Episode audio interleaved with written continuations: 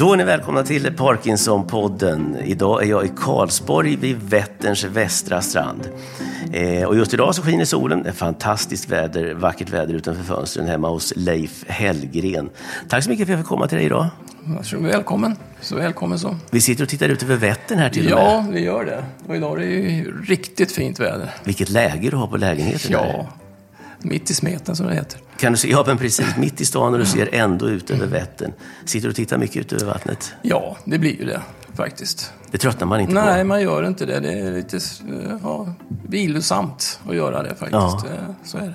Det är dimmigt och ibland är det lite snöigt och ibland är det sol och vackert. Ja, det är det. Men nu blir det en härlig tid, Många hur? fina soluppgångar för oss. Det ligger ju mot öster här. Va? Ja, just det. Ja, det är klart. Fantastiskt. Du, du är ju, som vi säger, anhörig. Din fru har Parkinsons sjukdom. Eh, och för en tid sedan så fick du ta ditt livs svåraste beslut, sa du när vi pratade på telefon här tidigare i veckan. Vad var det för beslut du fick ta Jo, då? det var ju så att min, min fru hamnade i eh, eh komplikationsfasen lite utav sin Parkinson. Och sen så blev det demensproblem också. Som, eh, som så här eskalerade. Och till slut och så blev så att man, ja, man orkade helt enkelt. Utan man fick ta det beslutet att hon fick flytta till särskilt boende. Hur länge sedan är det här nu? Eh, lite drygt ett år sedan. Och det är nog det absolut det tuffaste beslut jag har tagit i mitt liv. Vad var det som gjorde det tufft? Ja, men alltså, vi, har, vi träffades redan eh, 69 och gifte oss 72, så vi var ju, firade ju 50-årig bröllopsdag 2002, 22 då. Och levt ihop hela tiden, har två söner och så. Och helt plötsligt så inser man att ja, det här går inte, jag, jag, jag pallar inte, jag orkar inte. Utan man är tvungen att göra någonting. Och, och, ja, det var inte något egentligen konstigheter på, på sätt och vis var det, men, men till slut så var man ju tvungen att ta det här beslutet att nej, vi måste göra någonting annars så kommer jag också bli dålig. Och då får de ta hand om mig också och det, det är ju inte så kul. Hur var det sista tiden innan hon fick flytta till boendet? Hon hade ju, alltså, för det första så hade hon ju sin, sin Parkinson och det var ju mycket sådana on-off-effekter och dosglapp och sen så blev ju demensen blev ju mer påtaglig desto längre det gick så att säga. Va? Och, och ibland fick hon eh, nästan någon form av panikångest och lite sådär och det blev hallucinationer och sådana saker. Och, så att man blev ju engagerad, om man får kalla det för det, dygnet runt i stort sett. Mm. Och eh, Du sov med ett öga öppet? ja, det blev ju så. Och man, man, man är inne i den där verksamheten och den här liksom hjälpen att man, man märker det inte själv utan det är nästan som någon utifrån måste också hjälpa till och, och, och tala om att nu, nu, är, nu är du på väg någonstans där du inte ska vara. Så mina söner hjälpte ju till där och sa att nu pappa, nu, nu, eh, nu får du se till att inte det blir två stycken som behöver särskilt boende utan det räcker med att mamma, mamma ska ha det. Kände, du dig, kände du skuld över de här besluten? Man, man känner sig skuld så tillvida att ja, men, skulle inte jag orka lite till? Eh, Har jag gjort det jag kan? Liksom, lite så. Va? Men där fick jag god hjälp av biståndsanläggaren som jag kopplade in väldigt, väldigt tidigt i, i min frus sjukdomsbild. Där. Att hon sa att du måste tänka på Birgitta också, som min fru heter. Att är det här det bästa för henne? Att du håller på att gå på knäna. Kan du hjälpa henne verkligen så mycket som den hjälp som hon behöver? Vända perspektivet? Ja, vända perspektivet. Va? Vad tänkte du då? Först tänkte jag liksom, äh, vad säger du för något? vad menar du med det här? Ja. Liksom? Men sen förstod Var nästan jag. lite provocerad? Ja, det var nästan provocerande. va. Men sen så sjönk det in och då till slut så märkte jag att nej, men hon har ju rätt. Är det här verkligen den bästa situationen för min fru? Mm. Får hon bäst hjälp av mig i alla lägen? Nej, förmodligen inte. Vilket skick var du i på slutet innan hon flyttade, Birgitta? Då? Alltså, om du ser tillbaka nu, då Ja. var det förmodligen normalt för Ja, dig. ja, då kände jag mig att det, det, var, det var helt okej så. Va? Men sen efteråt så märkte jag att ja, det började med att jag sov eh, första dagarna väldigt, väldigt mycket. Jag var märkte att jag var väldigt, väldigt trött. Bara. Och sen så... Eh, jag märkte ju det liksom att jag, usch, jag mår nog inte så jättebra i alla lägen. Nej. Eh, Men sen har man ju då fått tid nu liksom att komma igen och ja, både med idrott och lite sånt också. Va? Så att, nu efter ett, drygt ett år så känns det ju, känns det ju så bra det kan vara. Så att säga. Så är det ju. Sitter hemma i köket hos Leif Hellgren och eh, pratar om eh, Leif och hans mående efter att hans hustru Birgitta som har Parkinsons sjukdom och blev dement fick flytta in till ett särskilt boende. Om vi hoppar tillbaka lite i tiden. Du nämnde här tidigare, ni gifte er 1969. Nej, 72. Vi träffades 69. Ni träffades 69, gifte er 72 ja. ja. Mm. ja. Det var 50 år sedan förra året. Ja, gifte precis. Vi hade 50-årsjubileum. Eh, Så att, och det blev ju då att vi fick eh, ha lite då på, på Haganäset som det här särskilda boendet heter. Just det, utanför, i Karlsborg här Ja, ja. så jag kom dit med en, en, rosbukett på 50 rosor. Oj! 50 rosor. Ja. Då blev hon glad. Ja, det blev hon. Ja, det är klart. Aska, oj, oj, oj. Det var inte dåligt. Nej, så att, eh, sen hängde personalen upp det på väggen där, så de hänger fortfarande då, som torkade blommor. Då, så att säga. Ja, vad härligt. Ja, vad ja, det, var, härligt. det, var, det var bra faktiskt. Det kändes bra. Det är klart. Du var fält, ska, säger man fältflygare eller stridsflygare? eller vad säger man ja fältflygare hette det på den tiden. Ja, Det begav sig för mig då. Du flög Lansen, 32an som man Ja, säger. precis. Det gjorde jag här på Karlsborg här. Mm, På F6 som det hette på den tiden. Då. Och Birgitta, hon jobbade... Hon var frisör, hon har varit frisör hela sitt liv. Mm. Så det var egentligen där, där vi märkte att det började hända någonting. Det var att hon kom hem och sa att jag, jag vet inte vad som händer, hon. Det känns konstigt när jag klipper. Och framförallt när jag klipper barn, sa hon. På vilket vis kändes det Ja, konstigt? hon kunde inte riktigt förklara det, men jag sa det att ja, med barn och du börjar bli lite äldre, det är klart att det är lite knepigt. Men sen så såg vi också, eller jag såg att eh, hennes högerarm inte pendlade när hon gick och då tänkte jag att jag tänkte inte på Parkinson, gjorde jag inte, men jag tänkte att det här är någonting som inte är riktigt som det ska. Var i tiden är vi nu? Då är vi 2008 ungefär. Eh, Men då hade hon för, heter det, företagshälsovården som, var, var, som hon hade då, kunde gå till. Och den läkaren där var faktiskt väldigt, väldigt bra och sa att det här kan vara Parkinson. Så hon satte in, satte in Madde Park direkt. Och sen fick vi en remiss till neurologen då på, i Skövde då på sjukhuset där. Hur reagerade hon på eldopan då, eller Madparken? Ja, men det, det hjälpte ju. Alltså det såg vi att det gjorde. Eh, Det var en väldigt, väldigt låg dos, men det behöver ju inte så stora doser i början heller. Men det var, det var ju snabbt gjort att eh, Ja, hon var, läkaren alltså, såg det direkt. Ja, precis. Det hör ju inte till vanligheterna. Nej, hon var, där har vi väldigt, väldigt, väldigt bra. Alltså att hon Mm. direkt märkte det här. Va? Så att vi kom till, in till eh, neurologen då som, som var hyfsat bemannad då i Skövde. Mm. Kärnsjukhuset på den ja, tiden. Ja, det då. Ja. Eh, Så var vi där och sen... eh, Var du med på varje besök? Jag var med på varje besök. Varför var du det? Jo, men... Kanske korkad fråga, men jag måste ställa den. ja. Nej, jag, jag har sett till att vara med på alla besök, både när det gäller läkare och uh, sjuksköterskor. Under hela Ja, Under historien? Mm. hela tiden, ja. För att jag vill ju ka- skaffa mig kunskap om min frus sjukdom så mycket som möjligt. För att jag ska kunna hjälpa henne så mycket jag kunde. Vad tyckte hon om att du var med? Hon tyckte också det var jättebra. Mm. För innan besökarna så satte vi oss ner och sa att har vi nu några frågor som vi ska ta upp när vi, när vi går dit? Mm. Så att vi liksom var lite förberedda ändå. När man Du gjorde checklista? Ja, nästintill. Man är ju van sen flyget och det här. Ja, det är klart. ja. Det var bra att du sa det, så slapp jag säga det. Ja, men ordning och reda. ja, precis. Va? Nej, men det har ju varit i de yrkena jag har haft då, så att det är ordning och reda. Och det är väl det också att, att det har också gjort att jag vill veta så mycket som möjligt. Mm.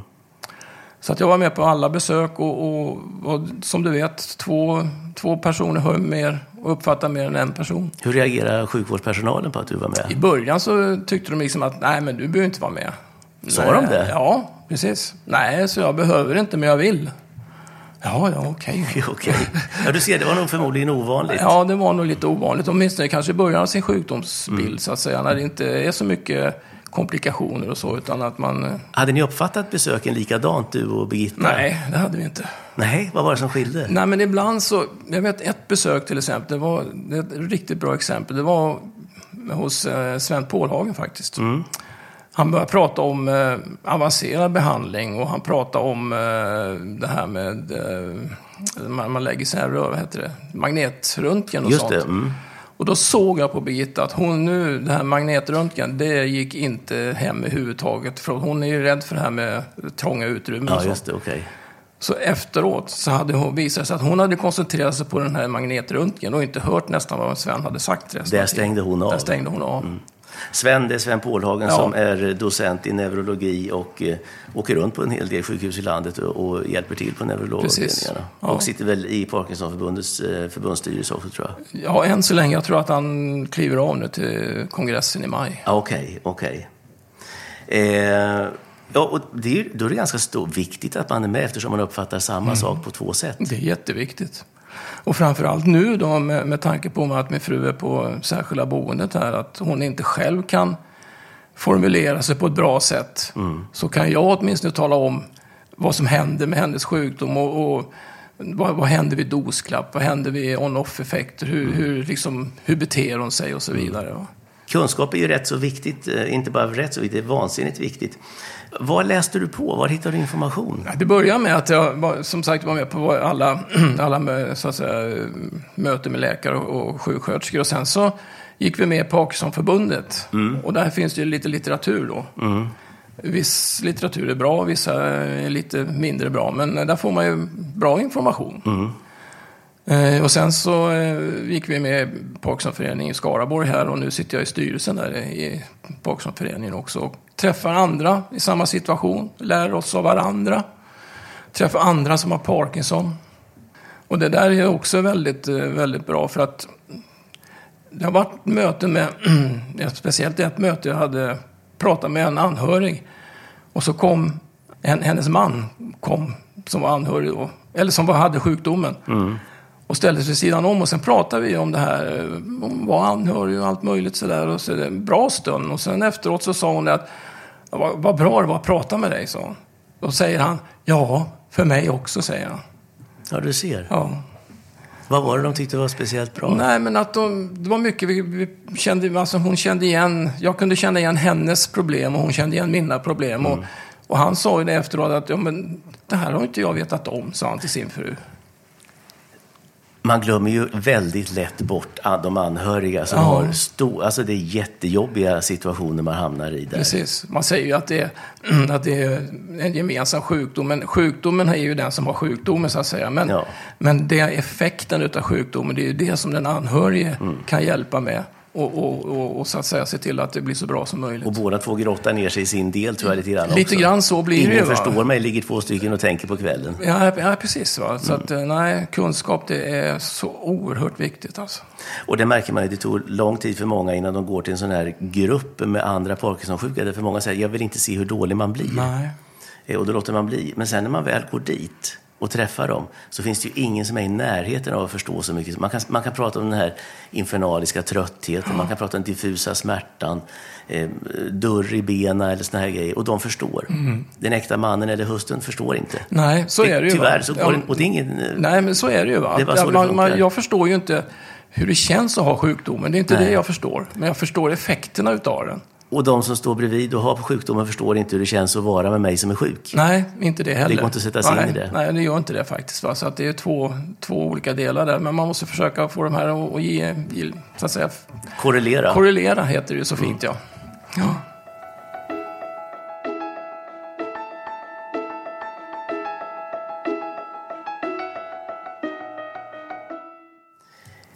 Korrelera heter det så Ja. fint. Ja, man får använda fina ord ibland, eller hur?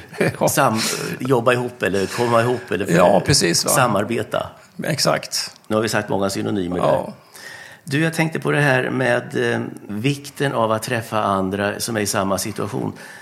Alltså när Birgitta fick diagnosen, vad var din första tanke då när du fick höra att du har Parkinson, Birgitta? Ja, det, det första, min första, absolut första tanke, det var ju, är det, är det dödligt? Det var den första tanken. Mm. Eh, Men sen när man då fick reda på i, lugn och ro med läkaren att nej, hon dör inte av Parkinson. Du dör oftast med, men Ja, inte precis. av. va. Då, då, liksom, då, då kom man ner på jorden igen. Mm. Och sen så eh, fick man utgå ifrån det då, liksom, och se vad, vad säger läkarna, vad säger sjuksköterskorna? Och så ta vara på alla, all information man kan få, som sagt, det är jätteviktigt. Då finns det ju två lägen. Vad gjorde ni när ni åkte hem efter att ni har fått diagnosen? När vi kom hem då, sa, då pratade vi, satte vi oss ner faktiskt och tog en kopp kaffe och så sa jag vad, vad hände? Vad hände på mötet här nu? Vad hände på, hos sköterskan eller så? Och så berättade vi vad vi hade uppfattat sinsemellan då liksom. Och då märkte vi att ja, det var vissa saker som jag hade uppfattat och andra saker som Birgitta hade uppfattat. Då. Eh, Och vissa saker så blev vi nästan så här, ja men det var så. Nej, det var inte så liksom. Att att det blev lite så. Men, men å andra sidan, då kunde vi ta med oss det till nästa gång. Sen, ja men då tar vi upp det nästa gång så får vi reda ut det. Så att den där, den där diskussionen efteråt var väldigt, väldigt viktig också. För att liksom förstå varandra. Det kommer man ju i ett läge då, eh, alltså, det blir väl alltid lite förnekelse i Ja, början. ja, det blir det. Eh, men sen är det ju offerkofta på eller eh, strida på liksom och, och försöka göra det bästa av situationen. Offerkofta har varken min fru eller jag eh, burit så många gånger faktiskt. Nej. Och det har vi ju Ibland får man knäcka ihop och tycka det är jobbigt, såklart. såklart att det är. Det är jättejobbigt ibland. Och det är det fortfarande. Mm. Ja, men huvudinriktningen är att man gör så gott det går. Ja, man måste. Det Ja. finns inget alternativ liksom. Nej. Utan och har man, kommer man till en, en så att säga, neurolog och man får sin medicin och man fungerar ju ypperligt i många, många år. Mm. Och man bara får sina läkarbesök som man ska. Det här var 2008 då som du Ja. fick diagnosen. Kom ni iväg till sjukvården sen Ja. var sjätte månad i eh, regelmässigt och i ordning? Fram till 2011. Okej, vad hände då? Ja, sen vet jag inte vad som hände för att då fanns det helt plötsligt inga neurologer på eh, Skövde, då, sjukhus i Skövde, som kunde någonting speciellt om Parkinson. Vad hände då? Då blev det inga sju- läkarbesök på fem år. Inget på fem Nej, år? det var bara med Parkinson-sköterskan. Hur mådde Birgitta då under den tiden? Ja, med- medicinen fungerar hyfsat bra. Sen hade ju då Parkinson-sköterskan eh, delegation att kunna justera medicinen också. Delegation innebär att hon har alltså rätten att göra det. Läkaren tar ansvaret för Ja. hennes handlingar så att säga. Precis Skriver så. över rätten. Exakt. Mm. Nu ringer en telefon här någonstans. Jaha, Du kan svara om du vill. kan jag göra det? Ja, gör det. Ja, hej du. Det var Leif. Jaha. Oj. Hon gjorde sig inte illa, eller? Nej, nej. Hur gick det med glasögonen då? De gjorde det? Ja, vad bra. Jag vill, jag vill att ni, ja, men jag vill att ni ringer, det vet du. Så, att, så man var lite förberedd vad som händer. Ja. Ta hand om er. Nu säger vi hej då. Någon med fru som hade ramlat ur stol. Okej. Mm. Jag vill ju att de ringer vet, så fort det är någonting. Jag har sagt att jag har telefonen på dygnet runt. Ring så fort det är någonting. Om ni undrar, om ni vill fråga någonting, fundera över någonting, händer någonting, ring. Vad hade hänt nu då? Ja, nu hade hon suttit i sin fåtölj och sen hade förmodligen skulle resa upp och sen hittade hon inte balansen så hon hade ju ramlat framåt. Och, men inte slagit sig så vad de kunde se och så. Och glasögonen hade klarat sig och så. Så att det var väl ingen större fara. Så. Nej, vad skönt. Ja. Så du, du har telefonen på 24 timmar Ja, dygnet? det har jag. De har faktiskt ringt en gång eh, halv tre på natten. Och då var det sköterskan som sa, "Ja, jag- skulle ju ringa, det står ju här. Så, ja, sa jag, det skulle du. Så att jag vet om jag behöver göra någonting på morgonen jag och så. Va? Och då hade hon ju ramlat och då slagit sig lite så och fick plåstra om och så. Va? Så att då visste ju jag när jag kom ut sen på morgonen att ja, men okej, det här läget är det. Annars så kommer man ut där kanske inte vet någonting och så, åh, vad har du gjort? Du har ju en otrolig eh, motor alltså, måste man ju säga. Och, och eh, ligger i och, och Ja. vill vara med. Och, Absolut. Va? Det, var kommer tycker- den ifrån? Nej, men alltså, ja, det, det kanske är medfött. Jag vet. Nej, men alltså, det, jag tycker det är viktigt att man, att man eh, försöker att skapa sig så mycket eh, uppfattning om saker och ting som möjligt. Liksom. Och nu då när Birgitta är på, på eh, Haganäs, som det heter, att man, eh, att man verkligen bryr sig om personalen också, inte bara om Birgitta. Liksom. När jag kommer ut där så frågar jag alltid hur de mår. Och jag vet att det är någon som går på kurs. Jag frågar hur, hur går det på din kurs och så där, hur långt har du kvar? Och, och att man får en bra dialog med personalen, för det underlättar jättemycket. Och så nu, om de ringer till mig så, ja hejsan, det är Hanna. Ja, de vet, jag vet exakt vem det är. Och så här, så att eh, vi har väldigt, väldigt bra dialog och det är värt hur mycket som helst. Uppskattar personalen det här Ja. också såklart? Det är klart att de gör. Det är klart de gör. Och just med tanke på hennes Parkinson där, de vet ju så lite om sjukdomen tyvärr på de här, ofta, oftast i alla fall, på, på särskilda boenden och så. Och, och de vet att är det någonting de funderar över så, ja men då ringer vi Leif. Du är väl Parkinson-experten på boendet där? Ja, det, alltså det blir ju nästan så va. Fast eh, Eh, man Frågar de mycket? Ja, Personalen I alltså? början frågar de väldigt mycket. Men nu har de ju kommit in i efter ett år drygt. Då? Så att, eh, Jag vet att du nämnde någon gång att, att eh, Birgitta då var i komplikationsfas. Visste personalen vad komplikationsfas Nej, var? nej de visste ju, det de visste om Parkinson det var ju att eh, äldre människor som går struttigt och skakar och ser till Madopark, Mm. det var väl i stort sett det de kunde så att säga. Va? Du gör ju en utbildningsinsats där nu då också. Ja, Jag försöker ju. Och jag har ju försökt att komma dit, eh, få tid på till exempel såna här um, arbetsplatsträffar och sånt. APT och sånt APT, där. ja, Ja. som det fint heter. Men då, nej, vi har inte tid, det var så mycket annat och sådär. Och jag, Men jag ligger på liksom. Alltså, Nu har vi ju inte dem med så de kan få svara vad Nej, de säger. precis. men, men nej, jag exakt, förstår va. hur du tänker, Ja, definitivt. exakt, va, så, så är det ju. Va? Så att, sen får man ju vara viktig också att man, ska, man får ju slå på rätt pianist också. Mm. Man måste ha koll på lite... Jag har ju läst in mig lite på det här med lagar och bestämmelser Mm. och Socialstyrelsens eh, rekommendationer och sånt där. Och, och så, va? så att man vet vem man ska vända sig till om det är någonting man vill undra över. Du har koll på de nationella riktlinjerna och de Ja, här grejerna. ja, om vi de har- efterlevs eller inte. Ja, precis. Va? Sen har jag fått läsa in mig på den här med, med demenssidan nu också. Då, Ja, det är så att klart. Mm. säga. Så att det, det är den biten också. Då. När du hörde av dig till mig så var ju, då var ju ganska uppbrakt över det här med eh, Håkan Widner då, som vi har med oss som vår husläkare. Han pratade om att information och kunskap om sin sjukdom det är en oerhört viktig del i behandlingen. Mm. Det Eh. stämmer på punkt och pricka, det han säger. För Håkan var ju förvånad ibland då att, att man vet vad man har för tvättmedel och vad man har för sköljmedel och tandkräm, men man har inte en aning om vad man har för medicin. Nej, det är ju helt... Det, det är nästan som man säger sanslöst man Vad, vad kände du när du hörde att han sa så? Ja, jag blev ju arg. Jag blev arg faktiskt. Jag tänkte, det kan inte vara sant att det är så här. Mm. Det kan inte vara sant att man inte har koll på vad medicin man äter och vilken mängd och vilken sort det är. Och varför? Ja, varför ja. Ja, Jag har ju alltid, vi har både så länge Birgitta var, inte hade sina demensproblem så hade vi ju dökoll på hennes medicin, både hon och jag. Mm.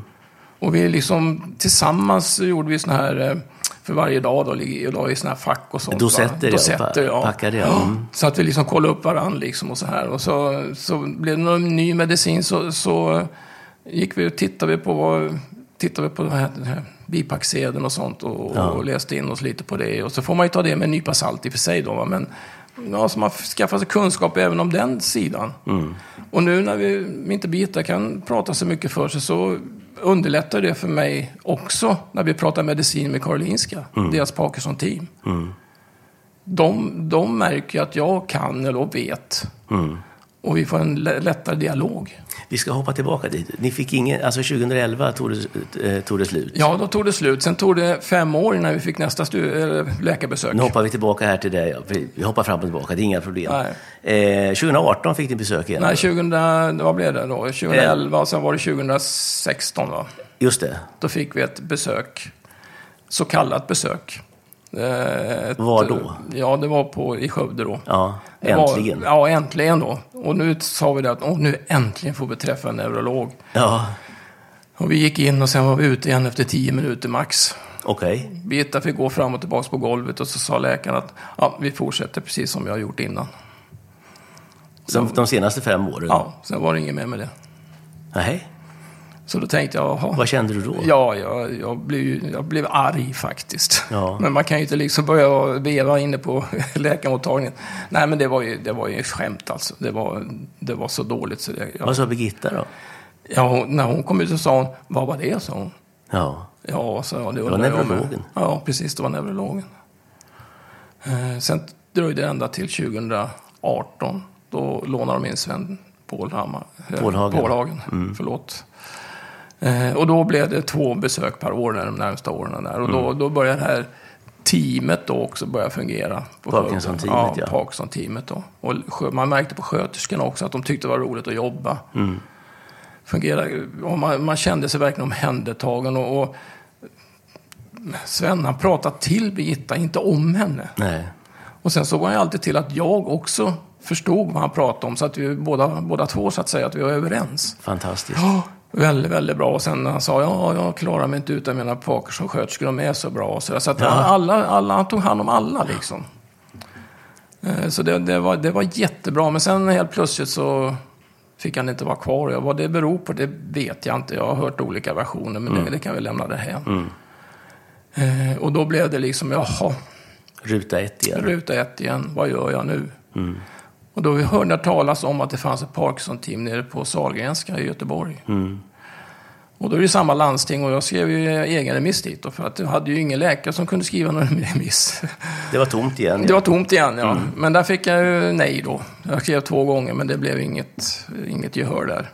Och då skrev jag en egen remiss till Karolinska Solna. Och jag lämnade in den på, skickade in den på måndagen tror jag. Om det var på torsdagen eller om det till och med var på onsdagen. Då ringer överläkare Anders Johansson där uppifrån och säger du, jag har sett din remiss här. Det är klart att du ska få komma hit och så ska vi titta på biten. Då var det av till Stockholm. Då var det upp till Stockholm, ja. Och då, då var hon ju inte så långt i demensen, så att då gick det bra, så att säga. Va? Och han, fantastisk mottagning där uppe. Alltså, vi blev, nu kände man liksom, åh, vad skönt. Nu är det någon som bryr sig igen. Och sen har vi haft kontakt hela tiden, och, och både med videokonferenser och med telefonkonferenser och så. Men problemet är att det är två olika landsting. Vi tillhör ju Eller Västra Götaland. Ja, regioner är det ju vi pratar om. Västra Götalandsregionen och så Stockholm då. Och de korrelerade inte så bra. De pratar inte med varandra. Nej, precis. I alla fall inte datormässigt och så. Nej. Så att så fort det ska göras någonting som något, något enklare, till exempel en datatomografi, så måste man gå då via remiss via vårdcentralen här som i sin tur skickar vidare till, till, till Skövde. Då. Varför ska det vara enkelt? Ja, precis. Så det innebär att man får ju sitta som en spindel i nätet där och eh, det finns, ja det blir så nästan som en Parkinsköterska. För det, du blev det? Ja, jag blev ju det helt plötsligt. Du va? blir den som koordinerar de Ja. olika regionerna och... och Precis, exakt. Och, och även då prata med läkare, sjuksköterskor, fysioterapeut då på Haganäset och så Karolinska och så vidare. Så att man får ju liksom försöka ko- koordinera. samordnar alltihopa. Ja, så att, och kolla upp så att det funkar. Det blir ju så. Och där återigen, Har det varit kul att göra det där? Eller? både och. Va? Det, ibland är det tungt, liksom. man märker att nej, men, det ska inte behöva vara så här. Och sen ibland då tycker man att nej, men, titta nu, nu löste vi det här. Fast det, det gick svårt ju- kan det Ja, vara? hur svårt kan det vara? Va? Men återigen, kunskapen. Och veta vad man pratar om. Vilket ansvar tycker du att man har som anhörig eh, i den här frågan? Eh, om kunskap och hålla sig uppdaterad? Jag tycker det är en självklarhet som anhörig att man ska vara det. Sen ansvarsfrågan är väl kanske lite svårare att, sätta fingret på så att säga. va. Jag, jag kan ju inte vara någon medicinskt ansvarig på något vis. Nej, nej. Det, det har jag ju inte någon kompetens till. Men däremot så kan jag ju hjälpa den som är medicinskt ansvarig. Du förstår Att vad han rätt- eller hon ja, pratar om precis, också? Mm. Och, och kanske få rätt beslut då, som, som jag vet passar min fru. Så- Ingen känner ju patienten bättre än du. Nej, men det sa ju eh, överläkaren där uppe på Karolinska och Anders Johansson att ja, det är ju du som känner din frus sjukdom bäst, sa han. Mm. Och det stämmer rätt mycket i det faktiskt. Det ligger mycket i det. Du hade ju något exempel när du kom ner här till eh, Haganäset och hon, de sa att hon var så trött idag. Ja, precis. Och jag var så trött. Och jag såg ju på henne att hon var inte alls trött, utan hon satt inte som hon, hon ville. Jag såg det direkt. Vi fikade och sen så tog vi två raska promenader runt Haganäset där på några kilometer, så hon var inte alls trött. Nej. Men det är just det här att se. Jag såg ju det direkt på Mm. henne. Eh, Medan personalen sa att hon, ja, hon, sitter, hon sitter väldigt trött. Ja. Det är ju inte lätt för personalen att veta heller. Nej, absolut inte. Men- Jag, alltså, jag skäller inte alls på personalen. De är jättegoda. Men De engagerade anhöriga. Träffar du vi var inne på det lite grann förut, här, med de här du träffade Ja, då, sen du ja, engagerade precis, dig i. Parkinson. Vi har ju i Parkinsonföreningen i Skaraborg så brukar vi ha lite olika grejer på gång. Så där. Vi träffas och kanske gör någonting speciellt och så. Och då träffar man ju andra anhöriga också.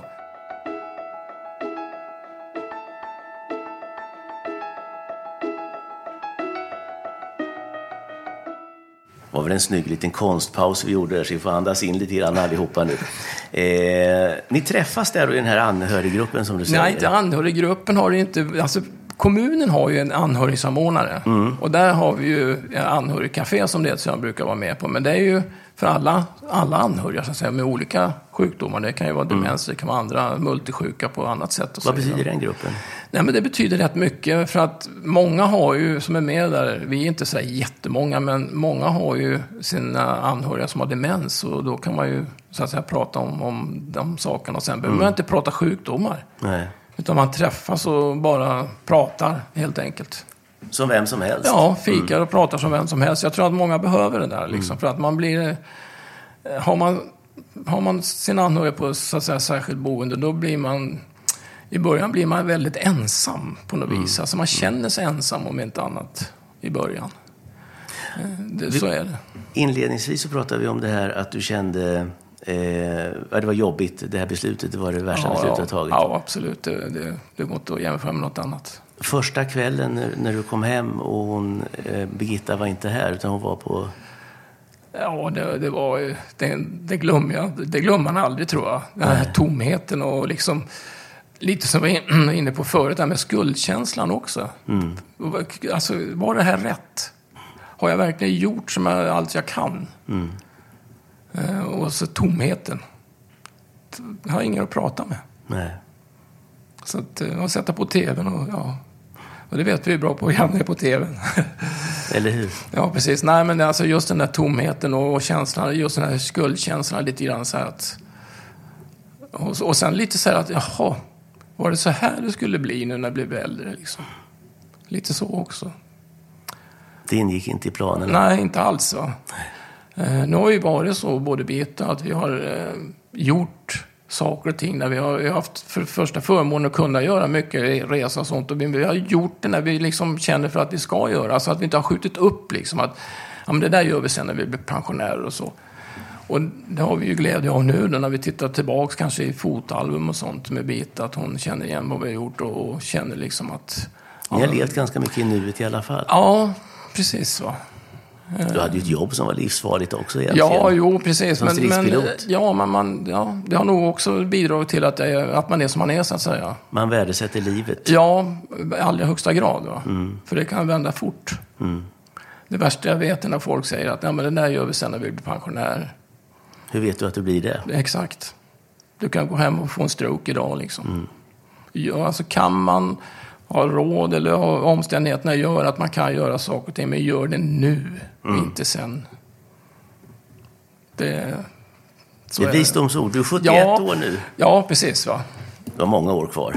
Ja, förhoppningsvis har jag det. Absolut. Hur känner du inför framtiden nu då? Jo, men alltså nu... Birgitta har det jättebra där är nu. Och, och liksom det verkar på en väldigt bra nivå, både medicin, medicinsmässigt så att säga och även på Parkinson och, och demensen ligger på, tycker jag, en, en bra nivå som det är nu. Då. Hon, hon är tillfreds, hon är glad när man kommer och känner igen den och sådär. Och blir aldrig ledsen när man åker därifrån. Så att det känns bra. På det viset känns det bra. Vi fick det ju live. De ringde till Ja, precis. under Exakt. Va? De hade, exakt. Så att, eh, Hur ofta är du hos henne? Eh, ungefär var tredje dag blir det.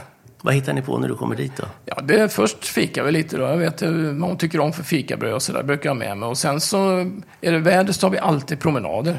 Alltid alltså. Och det för det är ju för att hålla igång kroppen helt enkelt också. Och sen vill hon ju ut. Hon vill ju ut i friska luften. Har alltid velat vara ute och alltid idrottat och haft gymnastik och så. Så att det är ju ute 45 minuter någonting sådär och promenerar. Och, ja, det är väl det som man gör. Sen så tar vi det lite lugnt efteråt. Och det kanske är någonting man behöver fixa till. eh, Kolla så att han, hon, hon har alla grejer som hon behöver och sådär. Om man behöver köpa något schampo eller sådana saker, kolla upp det. Och så. Men just det här bara att vara tillsammans.